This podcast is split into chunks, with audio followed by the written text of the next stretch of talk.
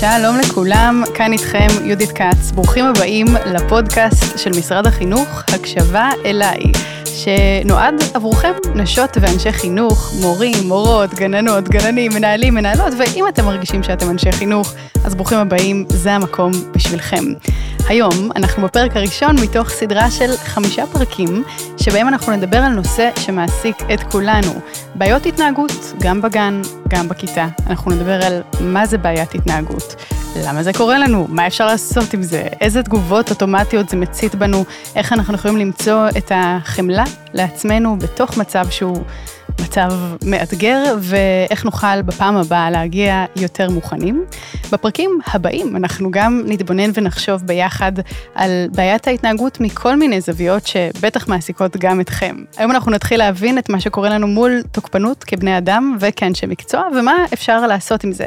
בפרק הבא אנחנו נציג איזושהי מפה מאוד מאוד כוללת להתמצאות ולהתערבות ולהתמודדות עם בעיות התנהגות. בפרק השלישי, תישארו איתנו, אנחנו ניחשף לארגז כלים שיעזור לנו לנהל את האקלים בכיתה ולייצר אקלים שהוא חינוכי מיטבי.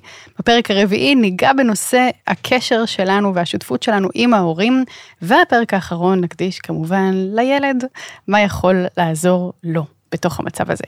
בכל הפרקים יהיו כאן נשות מקצוע מובילות בתחום, כבר תכירו את הראשונה שלנו להיום, שייתנו לנו כלים אפקטיביים שיעזרו לכם, צוותי החינוך, להיות בתוך הזירה הכל כך מעניינת, מאתגרת, מיוחדת הזאתי, ולהתמודד באופן יעיל כבר מחר בבוקר כשאנחנו נכנסים לכיתה ולבית ספר. אז כמו שאמרתי, אני יהודית כץ ואני שמחה לארח כאן היום את אורנה קרשטיין, שלום. שלום יהודית. ברוכה הבאה. ברוכה נמצאת, תודה שהזמנת אותי. אה, תודה שהזמנת אותי להזמין אותך. איך לך להיות פה? מרגש, מאוד מאוד מרגש ומשמח שיש לנו ערוץ ישיר ישיר לאוזן וללב של האנשים שעובדים בשטח יום יום. ממש מרגש אותי. כן, מאוד מיוחד ש, שדבר כזה קורה, ואני כבר אה, סקרנית למה שהולך לעלות היום. אה, אני גם אציג אותך באופן יותר רשמי, ואני אגיד שאת פסיכולוגית חינוכית, מומחית בתחום בעיות התנהגות, כמה טוב שאת כאן. את ממונה על הכלה והשתלבות בשפ"י, שזה השירות הפסיכולוגי הייעוצי במשרד החינוך. הבטחנו שאנחנו נדבר על בעיות התנהגות, ואני מניחה שכל אחת ששומעת אותנו, כל אחד, יש לו בראש משהו קצת אחר. אז בואי רגע ניתן איזה הגדרה שאפשר להבין מה, על מה אנחנו בעצם מדברות, מה זה בעיית התנהגות. אוקיי, okay, אז קודם כל בעיות התנהגות זה באמת מושג נורא רחב, ויש לזה כל מיני שמות, ילדים שמאתגרים, ובעצם כל אחד מאיתנו מאותגר ממשהו אחר. אבל רגע נהיה בהגדרה, בעיות התנהגות מוחצנות, שזה על מה שנדבר.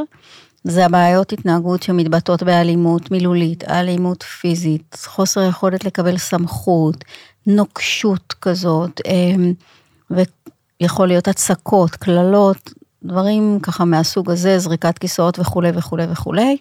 שיש גם בעיות התנהגות מהרבה סוגים ומהרבה גורמים, ועל כל זה כמובן כן. נדבר. אז בעיית התנהגות זה משהו שפשוט לי כמורה קשה להתמודד איתו?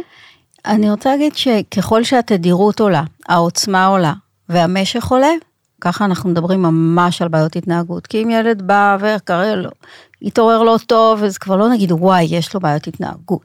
אם זה ממשיך ומתעצם וגובר, אנחנו כבר אומרים, אוקיי, יש לנו פה עניין, ואז אנחנו מתחילים לחקור ולחשוב מה עושים עם זה. כן, אני, אני חושבת שכמקום, אה, את יודעת, אני יכולה להסתכל על זה נגיד מהזווית שלי כאימא, ולהגיד, יש הרבה התנהגויות שהילדים שלי עושים שקשה לי איתם, אבל מפה ועד לקרוא לזה בעיית התנהגות, אני לא יודעת, אני לא, אני לא יודעת מתי אני, אני מבינה שזה בעיה, ומתי זה משהו ש...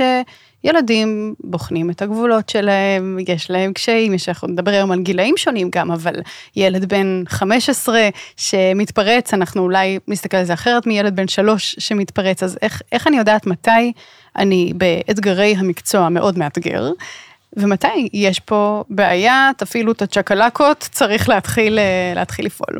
את צודקת יהודית, זה מאוד מאוד מבלבל וזה גם למישהו מסוים דבר, בעיית התנהגות מסוימת לא תזיז יותר מדי והוא יתמודד ומישהו אחר זה כבר יהיה דרמה והתמוטטות מוחלטת. וגם אני בכלל לא מתה על קטגוריות ועל סטריאוטיפים כאלה, יש לו בעיית התנהגות, אין לו בעיית התנהגות, אנחנו מול ילדים, מול נשמות, אנחנו צריכים לראות, וכן, כשאנחנו מרגישים שזה כבר גדול עלינו, אנחנו מנסים להתמודד עם זה ואנחנו רואים שאנחנו לא יכולים לבד, אנחנו לא נישאר לבד.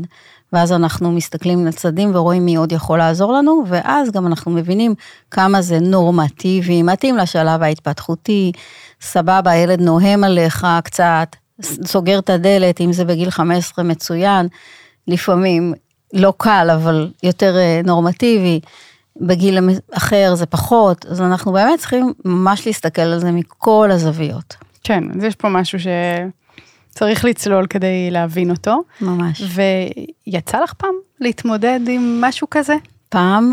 פעם, פעמיים, שלוש. מלא פעמים, גם במקצועי, גם באישי, ברור לכולנו. אה, כשאת שואלת אותי, בום, עולה לי תמונה, אני נכנסת לבית ספר, יום שני, זה היום שאני מגיעה לבית ספר בתור פסיכולוגית, מגיעה אליי המורה, לא אזכיר את שמה, ואומרת לי, אורנה, די, נמאס לי באמת, אני כבר לא יכולה, עשינו מלא ישיבות, מלא עניינים, הילד הזה ממש הורס לי את הכיתה, אני לא יכולה יותר.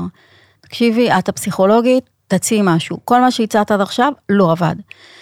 ווואו, ואני מכירה את הילד והכל, ואני מרגישה פתאום, וואי, מה אני עושה? מסתכלת, אמר, ימינה ושמאלה, מחפשת איזה פסיכולוג טוב, ואז אני מבינה שאני הפסיכולוגית, ו... אז את זו שאמורה לעזור למורה, ואת בעצמך מגיעה, ואת אומרת, אני לא יודעת מה אני עושה פה, תקראו למישהו, שמישהו יקרא למישהו. בדיוק, וזה כן. חלק ממה שקורה לכולנו, אנחנו נדבר על זה, אבל כן, בכנות, זה גם קורה לי לפעמים. וזה, ואנחנו צריכים להבין שזה קורה לנו מול תוקפנות, תכף נדבר על זה יותר. כן, אולי את יכולה לספר אה, קודם איזשהו מקרה שבו זה קרה, כי קודם נתנו מין כזה דוגמאות, אמרנו אה, תוקפנות, אולי קללות, אולי זה, אבל רגע, תכניסי אותנו לאיזה סיפור של איך אירוע כזה בכיתה נראה, נחווה, מהצד mm-hmm. שלך, מהצד של המורה. כן, אני חושבת שמי שמאזין לנו עכשיו יכול אה, לספר את הסיפורים האלה הרבה יותר טוב ממני, כי באמת חווים את זה לא מעט. זה יכול להיות מצב שילד, אה, את אומרת לו משהו בתור מורה, והוא אומר לך, לא בא לי לעשות את זה, לא בא לי לתת לך את הטלפון, מתחיל להתפרץ, מתחיל להיות מאבק כוח. הוא לא קם, הוא כן קם, הוא מעיף, הוא בועט באיזה ילקוט, מעיף איזה כיסא, זורק, מתריס, זאת אומרת, זה מתחיל להיות גלגל, ואת שם לבד מול כל הכיתה, מול 40 ילדים, עם הילד הזה, מה את עושה איתו? אני שמעתי וחוויתי והייתי בהרבה מקרים כאלה, אם זה מתבגרים, אם זה בגן, עם ילדים קטנים בני חמש, שבמצבים קיצוניים מתחילים לזרוק כיסאות, לקלל, והגננת עומדת ואומרת עם הסייעות, מה אני עושה? באמת לא חסר מצבים כאלה, ו, ו, ובאמת אנחנו שם, אנחנו במקומות האלה שמתחילים הרבה לפני, לא הכל מתחיל בפיצוץ. אבל הרגע של הפיצוץ הוא רגע שהוא מאוד מאוד לא פשוט. אז בואי רגע ננסה להיכנס לאווירה, ואפשר אולי להזמין את המאזינות והמאזינים שלנו לעצום עיניים אם אתם לא באוטו, ולדמיין את, ה, את הרגע הזה, אתם קמים בבוקר, מתארגנים, יש לכם המון דברים על הראש, אולי יש לכם כמה ילדים משלכם, עשו בלאגן על הבוקר, אה, יש לכם המון מבחנים לבדוק, לא הספקתם עדיין לעשות חצי, יש שיחה שאתם חייבים להגיע אליה אצל המנהל, יש את האימא שמחכה לטלפון, ואתם נכנסים לכיתה היום במוטיבציה של היום הולך להיות יום טוב, היום אני באה רגועה, היום אני על הכל, אני הולכת להתמודד עם הדבר הזה, ואת מתחילה ללמד את השיעור. ואז מתחילים קודם כל דברים שאת כבר מכירה, כל מיני דיבורים בספסלים האחוריים, ואת מבקשת פעם אחת שקט, לא מפסיק, מבקש עוד פעם שקט, לא מפסיק. ילד אחר, נקרא לו אה, עומר, מתחיל להיכנס ולצאת מהכיתה כל הזמן, יוצא, יש לי פיפי, יש לי פיפי, יש לי פיפי, יוצא, חוזר, יוצא, חוזר, יוצא, חוזר.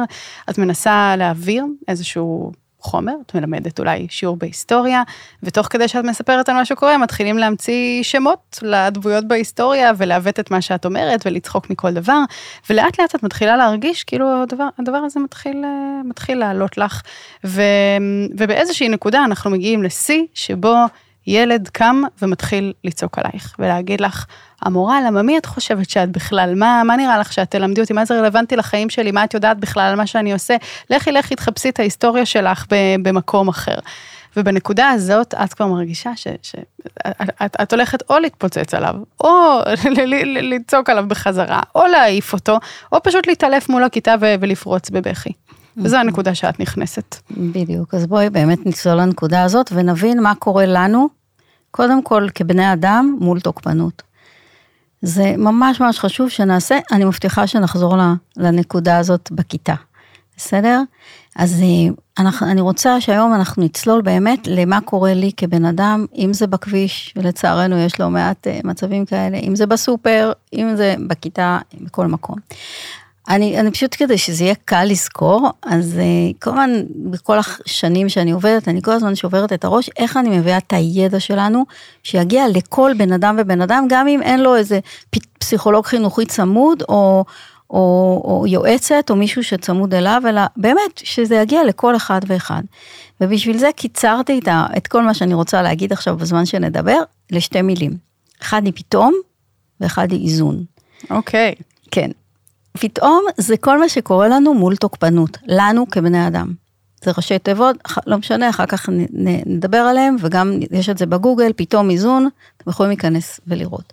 איזון זה כל מה שאני, אני כבן אדם יכול לעשות כדי להחזיר לעצמי את הוויסות, את השליטה, את הרוגע, כדי להתמודד עם המצב הזה. אוקיי, אז פתאום איזון. אז נתחיל. אוקיי, אז זה מצבים שבהם אני מרגישה מותקפת. מותקפת, בגלל זה זה פתאום. וואו, כאילו, אז אני אגיד דבר ראשון שקורה, זה לא ראשון לפי הסדר, פשוט זה יסתדר לנו נהדר עם המילה. אז קודם כל, כשרגע נלך רגע למצב של ילדים קטנים. תחשבי על ילדים קטנים, את מספרת להם סיפור בלילה, נכון, בדרך כלל האגדות ילדים מחולקים לטובים ורעים. המכשפה היא רעה, מגעילה, שחורה בדרך כלל, ו- ו- ויש, ואף אחד לא יגיד, אוי, מסכנה, הרביצו לה ב- בילדות שלה, בגלל זה היא כזאת רעה. לא, היא רק רעה. והנסיכה היא יפה, טהורה, נשמה טהורה, טובה. ככה זה באגדות ילדים. למה זה? כדי שהילד יגיד, סבבה, העולם מסודר לי בטוב ורע, אני יכול ללכת לישון בשקט, למרות שהיו דברים מפחידים בסיפור הזה. אם אני אהיה טוב, יהיה לי טוב, אם אני אהיה רע, יהיה לי רע. נהדר, מה זה כל זה קשור לבעיות התנהגות? כי ברגע שאנחנו נתקלים בתוקפנות כלשהי, אנחנו אוטומטית, בלי שאנחנו חושבים, מחלקים את העולם לטוב ורע. אתן לך דוגמה מהבוקר, נסעתי בכביש, הגיע לפודקאסט, עמדתי בפקק, כמובן, מי לא, עמדתי כמו ילדה טובה בצד, חיכיתי מלא מלא לפני הפנייה, ופתאום בא מישהו ורוצה לחתוך אותי ואני צריכה להגיע בזמן לפודקאסט. באותה שנייה, למרות שאני מדברת על זה עכשיו, ישר חשבתי, עשיתי אותו, הפכתי אותו לרע. איזה חוצפן, איזה גסות רוח, נה נה נה נה נה נה נה נה. אנשים היום אגואיסטים, חושבים רק על עצמם, לא רואים אף אחד בכביש, בדיוק, כזה. בדיוק, ישר הוא נהיה הרע. קנה לי מישהו ש... מיליון דוגמאות. למה זה קורה? כי אני כאילו, כאילו אני במצב חירום, זה לא באמת שהייתי במצב חירום, ואז חילקתי את העולם לטוב ורע. אותו דבר עם, עם בעיות התנהגות. ברגע שיש לי בעיית התנהגות קשה בכיתה, באופן אוטומטי אני הולכת, מחלקת את העולם לטוב ורע, ואני יושבת בישיבה גדולה עם ההורים, עם הפסיכולוגית, עם היועצת, אם זה כבר מגיע למצב הזה, ואז ממש מחלקים, האימא מקסימה, האבא על הפנים, היועצת ככה, הפסיכולוגית ככה, אני, ו, וזה אוטומטי, וזה קורה גם לי, כשאני אפילו מרצה על זה ומדברת על זה, כי זה האוטומט שלנו, ואנחנו צריכים לשים לב שזה קורה לנו, אחר כך נחשוב מה לעשות עם זה. אז זה דבר ראשון, העולם מתפצל לטוב ורע, זה קורה ברמה החברתית, זה קורה בעולם, ככל שרמת הסטרס עולה, מחלקים לטובים ורעים. ווואלה, העולם רוב הזמן הוא לא רק טוב ורע, הוא כל מיני גוונים. אז זה אחד, לשים לב שזה קורה. אז זאת אומרת, יש פה מנגנון הגנה, שאצל ילדים אנחנו רואים אותו בצורה מאוד ברורה, שהם מדברים על הטובים והרעים בסרטים. אנחנו חושבים שאנחנו כמבוגרות וכמבוגרים, אנחנו מעל זה כבר, אנחנו לא מדברים ככה אולי, אבל באותו רגע שבו אנחנו מרגישים מאוימים, אנחנו חוזרים להיות משהו מאוד מאוד ראשוני, כמו ילד שאומר, הנה, אני הטובה בסיטואציה הזאת, אני באתי בטוב, לי יש כוונות טובות, אני עושה את הכי טוב שלי, והילד שמולי הוא הרע שבא לתקוף אותי, הוא בא לעשות לי דווקא, הוא עושה את זה לכולם, אני יודעת שהוא יש לו כוונות רעות, ראיתי את המבט הזה שלו בעיניים, נכון, כשהוא עשה את זה, אני, אני, אני עושה את הפיצול הזה שהוא רע, נכון? גם את זה, בדיוק, תיארת את זה מעולה.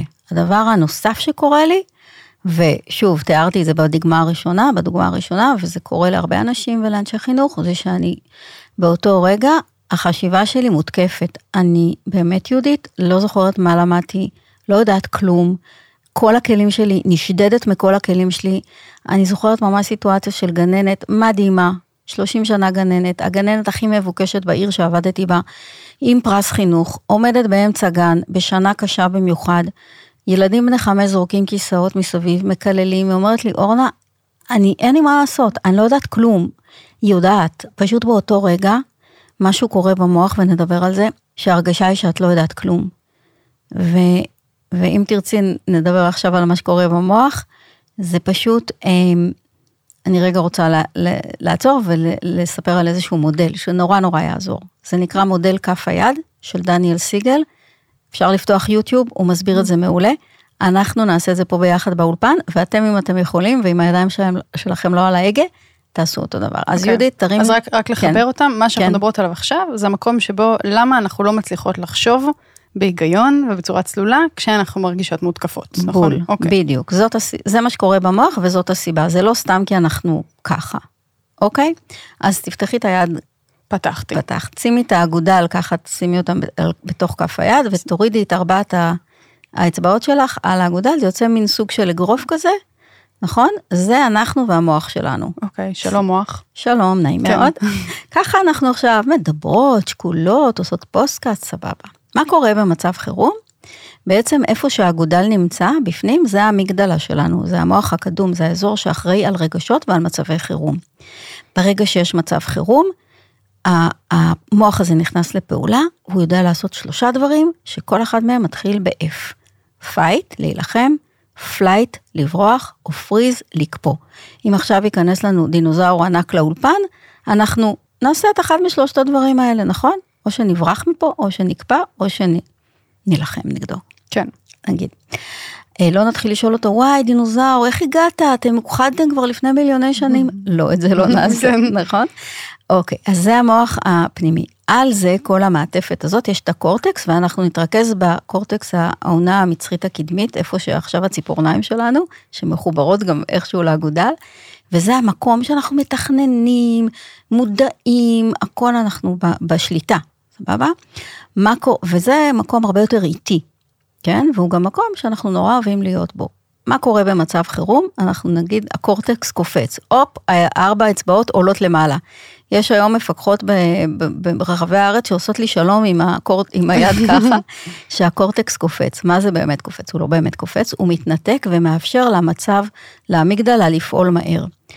אוקיי, איך כל זה קשור לבעיות התנהגות? ברגע שילד או מבוגר מאבד את זה, מה שנקרא, קפץ לו הפיוז, עלה לו הסכך ועוד ועוד ביטויים, בעצם זה המצב שהקורטקס קופץ, ואז הוא באיזשהו התקף, או לא חייב, להיות התקף זר, הוא לא חושב.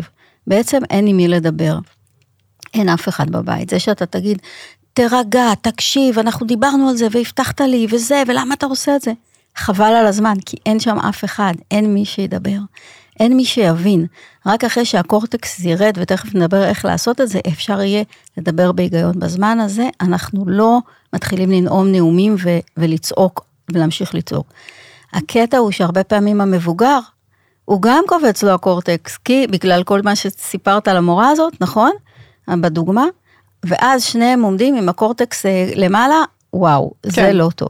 אז, אוקיי? אז אני, אני יכולה לנסות לסכם את זה שוב במילים אחרות? כן. אוקיי, אז בעצם את אומרת, יש לנו במוח שני שחקנים ראשיים, יש לנו את השחקן שהוא השחקן החייתי, הקדום, הרגשי, איפה שאנחנו, וילדים וגם חיות מאוד מאוד דומים, שזה המערכת הרגשית שלנו, שהיא פועלת באינסטינקטים, היא מהירה, והמטרה שלה זה שאנחנו לשרוד, נכון? זאת המגדלה שאת בדיוק. תיארת.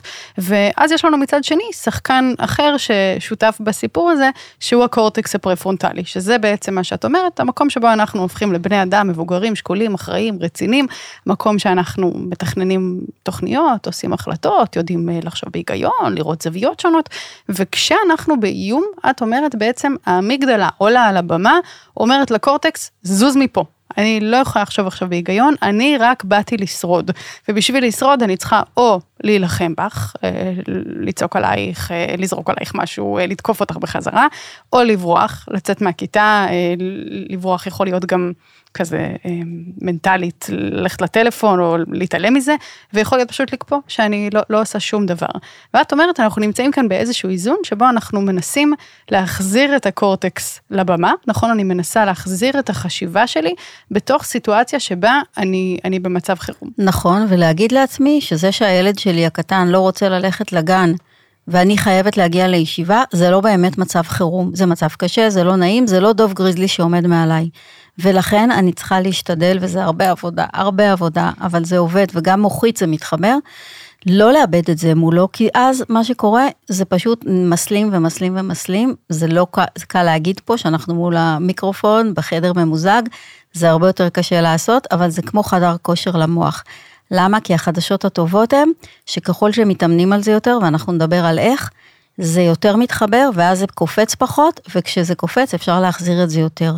התפקיד שלנו כמבוגרים אחראים ומשמעותיים, גם לילדים שלנו בבית וגם לילדים בכיתה ובגן, זה לנסות לעבוד על זה. ולהבין גם בחמלה שזה לפעמים קורה לנו ואפשר לתקן, יש תיקון, זה לא אבוד, אם עשיתי את זה אז זהו, הכל נגמר, הרסתי הכל. אוקיי, okay, מעולה.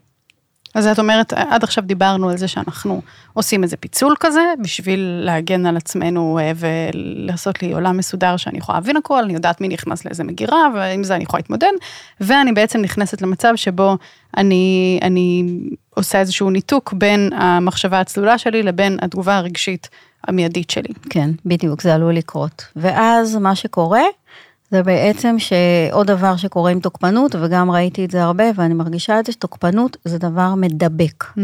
אוקיי? כמו כל רגש, שיש הרבה אהבה, שיש הרבה התלהבות, שיש הרבה שמחה. וואי, זה מדבק, אתה מרגיש שאתה נהיה ככה, גם אם באת על הפנים מהבית. כשיש הרבה דיכאון, לצערנו, זה מאוד מדבק דיכאון, לא נדבר על זה כרגע. אבל תוקפנות, וואו, זה מדבק. את אומרת לעצמי, וואי, באתי בטוב דווקא, היום דווקא באתי בטוב. מה נסגר שפתאום יצא ממני הצרחה הזאתי? כי זה מדבק, וכשזה נהיה יותר ויותר, וכיתה מסוימת שהייתה בש... בכיתה ב' סבבה, ובכיתה ג' פתאום משהו קורה, וכל השדים יוצאים, והוא נדבק מההוא, אנחנו צריכים להבין, יש לזה איכות מדבקת, לא כמו קורונה, אבל לא בפחות עוצמה, בעוצמה לא פשוטה, וזה לפעמים לפעמים יותר קשה. וגם זה קורה דרך אה, מנגנון מוחי, נכון? יש לנו את נוירוני המראה, mm. שבעצם כשאני רואה אותך עושה פעולה מסוימת, אז באיזשהו מקום המוח שלי מחקה את הפעולה, ככה אנחנו גם לומדים, אז אני רואה אותך צועקת, יש אזורים במוח שלי שעכשיו הם, הם צועקים, יש אזורים במוח שלי שעכשיו הם מרביצים, והדבר הזה משפיע על איך שאני מתנהגת. ממש, וזה משהו שהוא נורא חשוב שיש לנו אותו, כי ככה תינוקות לומדים ו- וקולטים את ההורים שלהם ואת הסביבה, אבל כשיש לי תוקפנות, זה עולה ואני צריכה לדעת. וזה הוו של הפתאום, זה הוויראלי הזה, זה מדבק, ואני אומרת לעצמי, וואו, נדבקתי, שנייה. ומה שקורה לי פה השנה זה, זה כי זה מדבק, לא כי אני מורה לא גרועה, נגיד. אז, אז זה שאתה יודע את זה לפחות, זה ממש ממש עוזר, זה כלי, אוקיי? כן, כלומר זה עוזר לך, את אומרת, זה עוזר לי להבין ש... אם עכשיו אני, יש בי איזה יצר תוקפנות או שתקפתי בחזרה, זה, זה בגלל שזה מה שהגוף שלי עושה באופן. אוטומטי, כן. ולדעת את זה עוזר לי אולי להיערך לזה כן, אחרת. כן, וזה גם לא אומר שסבבה, יופי, אז אני תוקפנית כי אני נדבקת. לא, אני לא אומרת לשחרר את האחריות. יש לי אחריות, אם אני יושבת בישיבה, ואני מתחילה להרגיש את התוקפנות עולה, ואני אני לא גם אגיד, טוב, כולם תוקפנים, אני אהיה תוקפנית. זה לא שאני עכשיו משחררת והכל בסדר. אני אומרת שאני מבינה את זה, ואני אומרת, אורנה, בואנה, את מתחילה להידבק פה. שימי לב, את תנשמי רגע עמוק, מה שקורה פה זה מעגלי תוקפנות, את לא הולכת להיכנס לזה. לפעמים אני מצליחה ולפעמים לא. אבל זה לא אומר שאם כולם תוקפנים, גם אני תוקפנית, והכל בס... בסדר. אבל איך זה נראה, נגיד, נגיד שנדבקתי, ועכשיו אני תוקפנית בחזרה אל הילד, באיזה אופן זה יוצא? כי לא נראה לי שהמורה שנדבקה, אה, חס וחלילה זרקה כיסא בחזרה לילד, פתאום? נכון?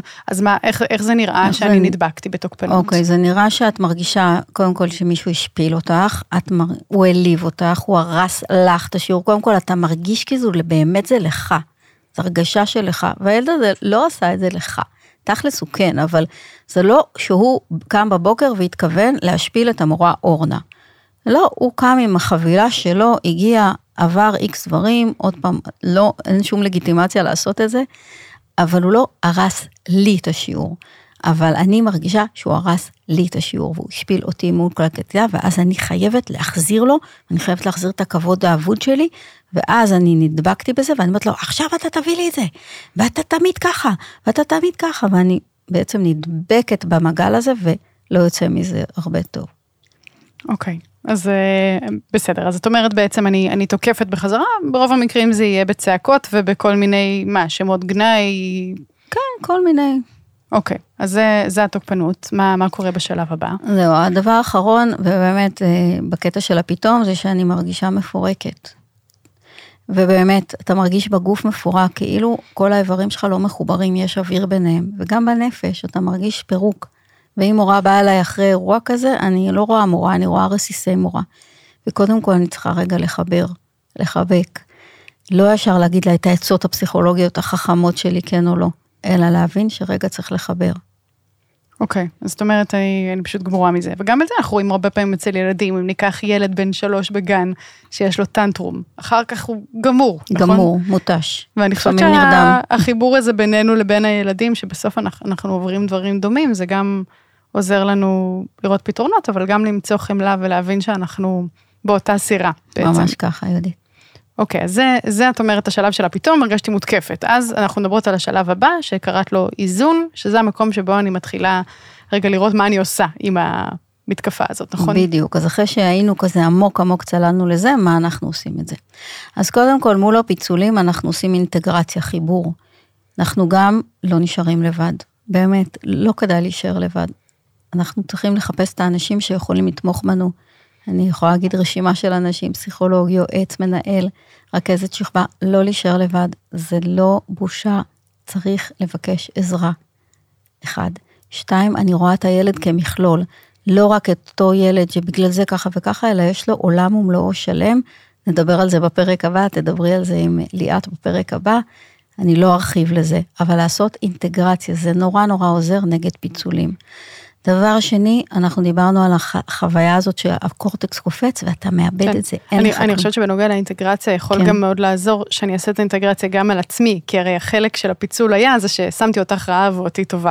אז גם על עצמי לשאול איזה חלקים שלי יש פה בתוך הסיטואציה, יש פה את החלק שלי שמחזיר אותי לזה שאולי אני הייתי תלמידה והמורה צעקה עליי, יש פה את החלק הזה שאני עכשיו מאוד מושפלת, יש פה את החלק שאני רוצה להיות חזקה, יש פה את החלק שגם אני קצת רציתי להכניס לילד הזה כי הוא, הוא קשה לי איתו, ונדבר על זה בפרק הבא, אבל, אבל גם לי יש חלק בתוך הסיפור הזה, ואני חושבת שגם הסתכלות על עצמי כיצור אינטגרטיבי עם הרבה חלקים, זה משהו שעוזר לי להכיל את זה גם ל, לילד, כי זה, זה לא רק שהוא רע שהופך ל, אוקיי, הוא גם טוב וגם רע וגם קשה לו וגם קל לו וגם הוא מצחיק וגם זה, אלא גם אני בתוך הסיטואציה הזאת, זה, יש לי חלקים שונים שאני רוצה להסתכל עליהם באינטגרציה. ממש, רעיון מצוין, יהודית. באמת, גם להסתכל על עצמך כמכלול על עצמך. על עצמך כמכלול. כן, ואז אני גם פחות שופטת את עצמי, שהגבתי ככה, שאיך אני נופלת בזה, שגם אני בן אדם עם ממש. מלא חלקים. אז פה אנחנו מגיעים כבר ל... אחרי שהזכרתי לעצמי שבעצם אני כן יודעת, זה לא שאני לא יודעת, וכן שמעתי פעם פודקאסט על זה, וכן עשיתי השתלמות, וכן, וכרגע אני לא מרגישה שיש לי נגישות לידע, אבל שנייה, אני נושמת עמוק, זה לא באמת שאני כזאת אפס ידע. אוקיי? ובשביל זה גם אנחנו עושים את הפודקאסטים האלה, זה ידע, יש ידע, באמת, המון ידע רלוונטי, עדכני, יישומי, לא רק תיאוריות, באמת. אז, אז להיות מחובר לזה.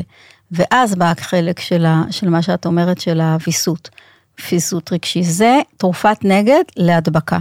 אם אני רוצה אה, כדור נגד הדבקה, זה ויסות רגשי. מילה מאוד פופולרית היום, איך עושים את זה? גם כן, על זה ומה, נדבר. ומה זה בעצם ויסות רגשי? כי זו באמת מילה שנאמרת הרבה, אבל לא בטוח שאנחנו... נכון, ויסות רגשי זה היכולת שלי למנן את הרגשות שלי, אה, להבין, ויסות רגשי זה לא רק להרגיש הפי הפי כל היום אני מאושרת, ממש לא, זה לחוות את שלל הרגשות, את כל מנעד הרגשות, עצב, שמחה, פחד, בהלה, התרגשות וכולי וכולי, לדע, להצליח להיות בהם, לזהות אותם, לא לשקוע בהם וגם לא לדחוק אותם. ולהתנהל באיזשהו מקום מבוסת, כמו וסת טמפרטורה.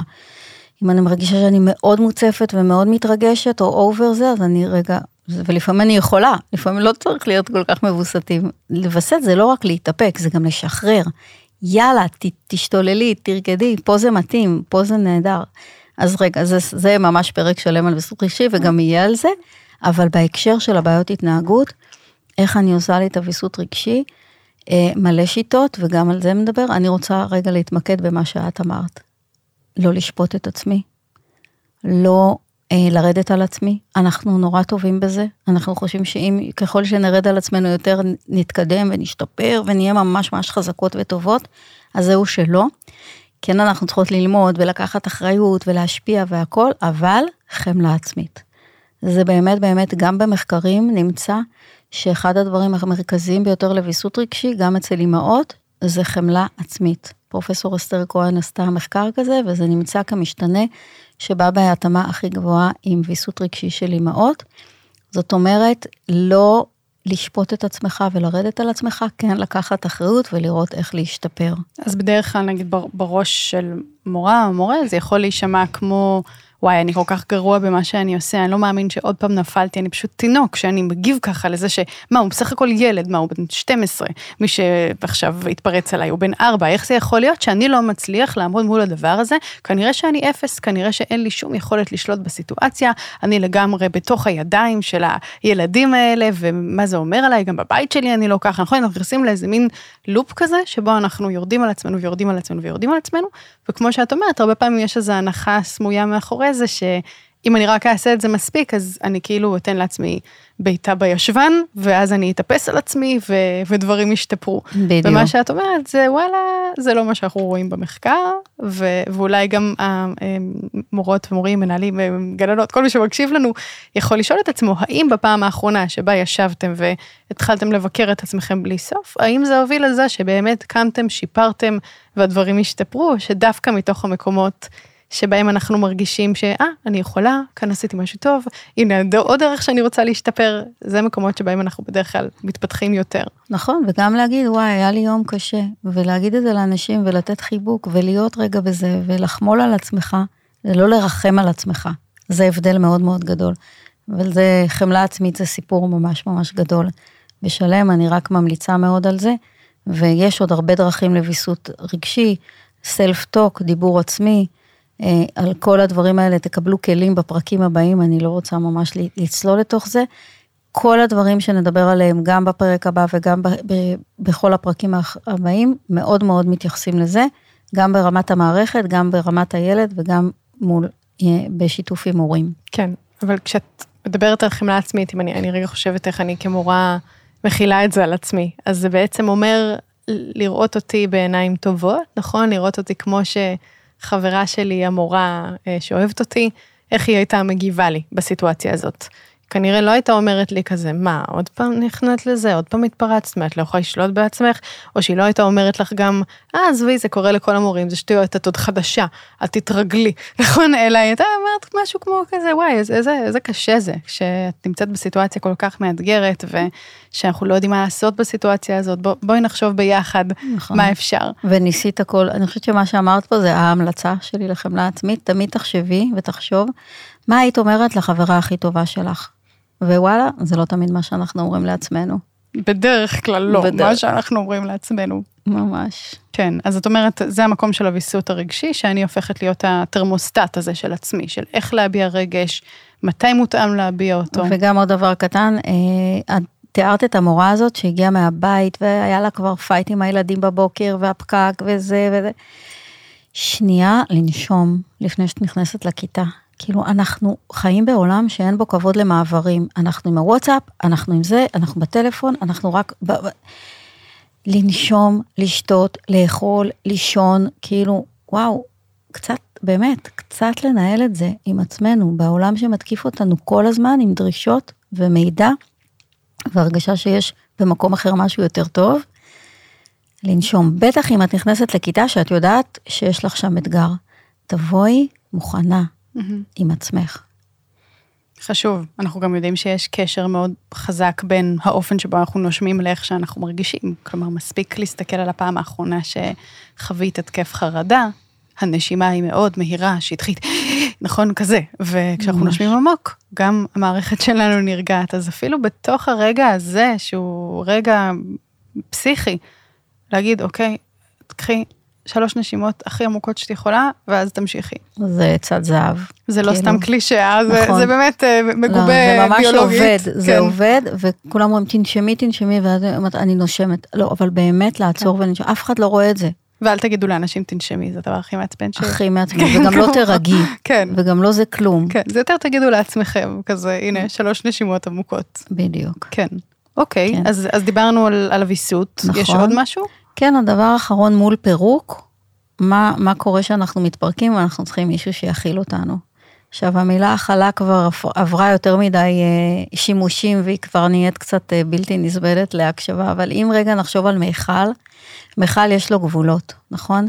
אם נחשוב על חבית יין, בסדר? יש לה גבולות והם צריכים להיות מאוד מאוד חזקים כדי שהיין לא יעשה בה חורים. אז תמיד מיכל יש בו גבולות, ותמיד מיכל יש בו גם חלל, ואנחנו צריכים מישהו שיכיל את המכיל. ו, ואני לא יכולה בשום אופן, ואף פעם אני לא אעשה, אדרוש או אבקש ממורה להכיל ילד, בלי שאני או מישהו אחר ייתן לה הכלה. ולכן הסיפור שמול, מה שעוזר מול חוויית הפירוק, זה חוויית ההכלה, מישהו לדבר איתו, מישהו להתייעץ איתו, לראות את ה... בעיניים טובות, וכל הדבר הזה בעצם עושה את האפשרות לחזור לאיזשהו איזון, גם אם לא באותו רגע, אבל קצת אחרי או קצת לפני. ואת אומרת שגם כלפי ה, הילד בעצם אני, אני יכולה להכיל רק עד, עד גבול מסוים, נכון? רק כמה שאני יכולה להחזיק. לא יכולה 24 שעות להכיל. כן, לכל אחד יש את המכל שלו, כן. אבל את יודעת, אפילו אם ילד מרגיש שגם אם אתה שם לו גבול, אתה מסתכל אליו, ושוב, לא קל לעשות את זה, אבל בעיניים טובות ולא בעיניים של כעס וסלידה, אז הוא רואה בך מבוגר שיש, שמסתכל עליו, והמבט הוא לפעמים יותר חשוב מהמילה. ובגלל זה אני אומרת, גם לא משנה מה תגיד, משנה מה אתה מרגיש. וזה גם הכלה, שמישהו מבין אותך, זה מישהו מכיל אותך. והכלה זה לא רק, יש איזה דימוי, להגיד, לא, חמודי, למה, למה אתה גוזר לי את הריפוד בבית? זה לא הכלה. אוקיי? זה רק נשמע הכלה. כן. אוקיי? זה כן ברכות, בטוב, אבל זה גם לשים גבול וגם לקבל את המכל של, שאתה צריך. ולכל אחד יש סף מכל שלו, והמכלים שונים. אז לראות עד איפה את, איפה את על הקצה, ואז לסמן, די, אני צריכה משהו אפילו הרבה לפני הקצה. אז את בעצם, אני מנסה להבין אם, אם אני מבינה מה את אומרת. את אומרת, המקום הזה של ההכלה זה המקום שבו אני מבינה מה הגבולות שלי, וזה יכול להיות אה, כמה זמן אני מוכנה להיות בתוך משהו, כמה אה, משאבים יש לי להתמודד עם זה. כלומר, יכול להיות שאם נחזיר את זה רגע לקונטקסט של כל הדברים שיש לה, לאותה מורה על הראש, היכולת הכלה שלי היא, היא יותר מוגבלת לאירוע כזה שקורה, מאשר אם אני לא עשיתי שום דבר באותו יום, חוץ מלבוא לכיתה ולקבל את, ה, אה, את האירוע הזה, נכון? נכון. אז, אז זה, איזושה, זה איזשהו חיבור עם עצמי גם, ללהבין איפה, עד איפה אני יכולה ועד איפה עדיף להגיד, אוקיי, stop, פוס משחק, אני עכשיו צריכה הפסקה, אני אתמודד עם זה מחר, כלומר, איך, איך בדיוק. זה, מה זה אומר תכלס בעצם? תכלס זה בדיוק מה שאת אומרת, זה אם אני יודעת שאני עוברת תקופה קשה, או יום קשה, או שבוע קשה, אני קודם כל מסמנת את זה, כי הרבה פעמים מרוב המשימות שלנו, אנחנו לא מסתכלים, לא עוצרים. באמת שנייה לראות מה קורה לנו, ואם אני עוברת איזשהו משהו קשה, אז אנחנו צריכים להסתכל על עצמנו ולהגיד, אוקיי, אני צריכה עוד משאב שימלא לי את המכל שמתרוקן. אוקיי, בסדר, אז דיברנו פה על, אה, על כמה מרכיבים שקורים לנו בעצם גם בזמן שאנחנו מרגישות מותקפות, וגם איך אפשר לתת איזשהו מענה לזה. עכשיו, לקראת סיום, אני רוצה רגע לחבר את זה ל, לזמן האמת ולכיתה עצמה ולאירועים, ו, וקצת להבין איתך כמה מהדבר הזה קורה במניעה, שאנחנו עכשיו מדברות על זה וחושבות על זה בנחת ומכירות את הדברים, כמה מזה אמור להתבטא בזמן שעכשיו תכלס מישהו קילל אותי או זרק על הכיסא חס וחלילה, וכמה מזה אחר כך אני מבינה ומאבדת את זה. אני חושבת שזה גם וגם וגם, זה באמת כמו חדר כושר מנטלי, ככל שאתה מתאמן יותר, וואי, אחר כך בזמן אמת, אתה יכול לחלץ את זה. וזה עובד. זה באמת עובד, אני עובדת הרבה עם אנשי מקצוע ועם גורמי חינוך, ובאמת, זה פס, פס, בסוף זה עובד, פשוט צריך להתאמן וזה יכול גם לעבוד בזמן האמת, אבל בפרקים הבאים אתם תשמעו באמת את מגוון הכלים, ממש נרד לרזולוציות מאוד מאוד uh, קטנות. כן, אוקיי, זה, קודם כל זה, זה מרתק, ו, ואולי זה הזמן לחזור לנקודת ההתחלה שלנו, לאותה נקודה שעכשיו המורה עומדת מול אותו תלמיד שהתפרץ עליה וקרא לה בכל מיני שמות. מה לדעתך צריכה להיות התגובה שלה? אז שוב, אני לא מתיימרת להיכנס לכל כיתה וכיתה, זה יהיה ממש לא מקצועי מבחינתי לתת את כל העצות שזה באמת יעבדו, כי יש כל כך הרבה דברים. אבל, אחד, להבין שנעלבתי ונפגעתי, אבל לזכור שהוא לא עשה את זה לך. אחד. שתיים, לא להגיב על תוקפנות בתוקפנות. זה בדרך כלל לא עובד. זה מייסר את המעגל המדבק הזה, ואז כולם רואים אותך ונדבקים גם. יותר לתת לו אפשרויות, אתה יכול לעשות את זה או את זה. הכי טוב, יש אה, הרבה אה, מנגנונים של שיקוף רגשי. שוב, אנחנו נדבר על זה, אבל כן, ככל שאתה מודע לעצמך יותר, ומחזיק את הפתאום איזון, גם ברגע האמת, לפעמים זה יעלה, ואתה תוכל להוריד את הקורטקס ולהגיד, וואי, רגע, אני נושם. מעולה, טוב, אז uh, תודה רבה אורנה קרשטיין, ואני אנסה לסכם את כל מה שדיברנו. אז uh, דיברנו בעצם על זה שבעיות התנהגות זה דבר שכל מורה, מורה, גננת uh, מתמודדת איתה בדרך כזאת או אחרת. Uh, ניסינו להגדיר איפה עובר הגבול בין התנהגות ש... לא כל כך קל לנו להתמודד איתה, לבין משהו שהוא ממש ממש בעיה, ודיברנו על המקום הזה של כמה ההתנהגות היא חריגה, כמה היא נפוצה, כמה היא חזקה בעוצמה שלה, למשהו שבסוף מתכנס למצב שאנחנו אומרים, אוקיי, יוסטון, we have a problem, יש כאן בעיה שצריך לטפל בה. אה, דיברנו על הצד שלנו כ- כמורים, שלכם, כמורים, מורות, אה, גננים, גננות, שמפעיל את מערכת החירום שלנו, שאנחנו בעצם מרגישים שאנחנו באיום אמיתי, בין אם רציונלית אנחנו יודעים להגיד, להגיד שאנחנו לא בסכנת חיים, אבל זה מרגיש כמו איום. ומה שקורה לנו למול איום זה שאנחנו מפסיקים לחשוב בהיגיון, הקורטקס הפרפרונטלי שלנו נפרד, ואנחנו מתחילים להגיב כמו חיה שעכשיו מנסה להגן על עצמה, או לתקוף חזרה, או לברוח, או לקפוא. ו, ודיברנו על, על מה שקורה לנו למול זה, שאנחנו יוצרים את הפיצול בין טובים ורעים, שאנחנו אה, מרגישים באמת אה, את התוקפנות הזאת שאנחנו רוצים לתקוף בחזרה, שאנחנו לא חושבים בהיגיון, ושאנחנו בסופו של דבר אה, כזה יכולים קצת להתפרק מהדבר הזה. אה, והצענו כל מיני מענים מאוד חשובים לזה, אז הצעת אה, למשל לזכור שאין טובים ורעים, לעשות את האינטגרציה הזאת של להסתכל על הילד בצורה רחבה, להסתכל על עצמי בצורה רחבה. הצעת בהקשר של, של התוקפנות, לנסות פחות להידבק, כן, לזכור שאנחנו לא חייבים להידבק. אה, לקחת נשימות, לווסת את עצמנו למול הדבר הזה, אה, לזכור את התמונה הרחבה, לזכור שאנחנו יודעים שהפתרונות יבואו, שלא תמיד צריך עכשיו לטפל בהכל, אה, והצענו חמלה עצמית, חמלה עצמית, חמלה עצמית, חמלה עצמית, אי אפשר להגיד את זה מספיק, אבל חשוב, חמלה עצמית, ובסופו של דבר שאלנו את עצמנו איפה אפשר להכיל, כמה אנחנו יכולים להכיל את עצמנו, איפה אפשר לחפש הכלה גם בחוץ ולבקש עזרה. יש עוד משהו חשוב שאת רוצה to speak now? אני חושבת שממש אמרנו הכל, והלוואי, הלוואי, הלוואי, שמחר בבוקר זה יעזור. מעולה. אז תודה רבה רבה. בפרק הבא תתארח כאן ליעד דותן, שמטפלת בילדים ומתבגרים עם קשיים רגשיים ובעיות התנהגות, והיא גם עוסקת בפיתוח של תוכניות להתמודדות עם בעיות התנהגות ומניעת אלימות. אנחנו נדבר איתה על הגורמים והסיבות שיכולות להיות לבעיות התנהגות אצל ילדים ומתבגרים, נדבר גם על הסיבות הפיזיולוגיות, הנוירולוגיות, המשפחתיות, המערכתיות, החברים, הכל. אז תודה רבה שהייתם כאן איתנו עם אורנה קרשטיין ואני הייתי הייתי איתכם יהודית כץ, אה, מקווה לראות אתכם בפרק הבא. ביי. ביי.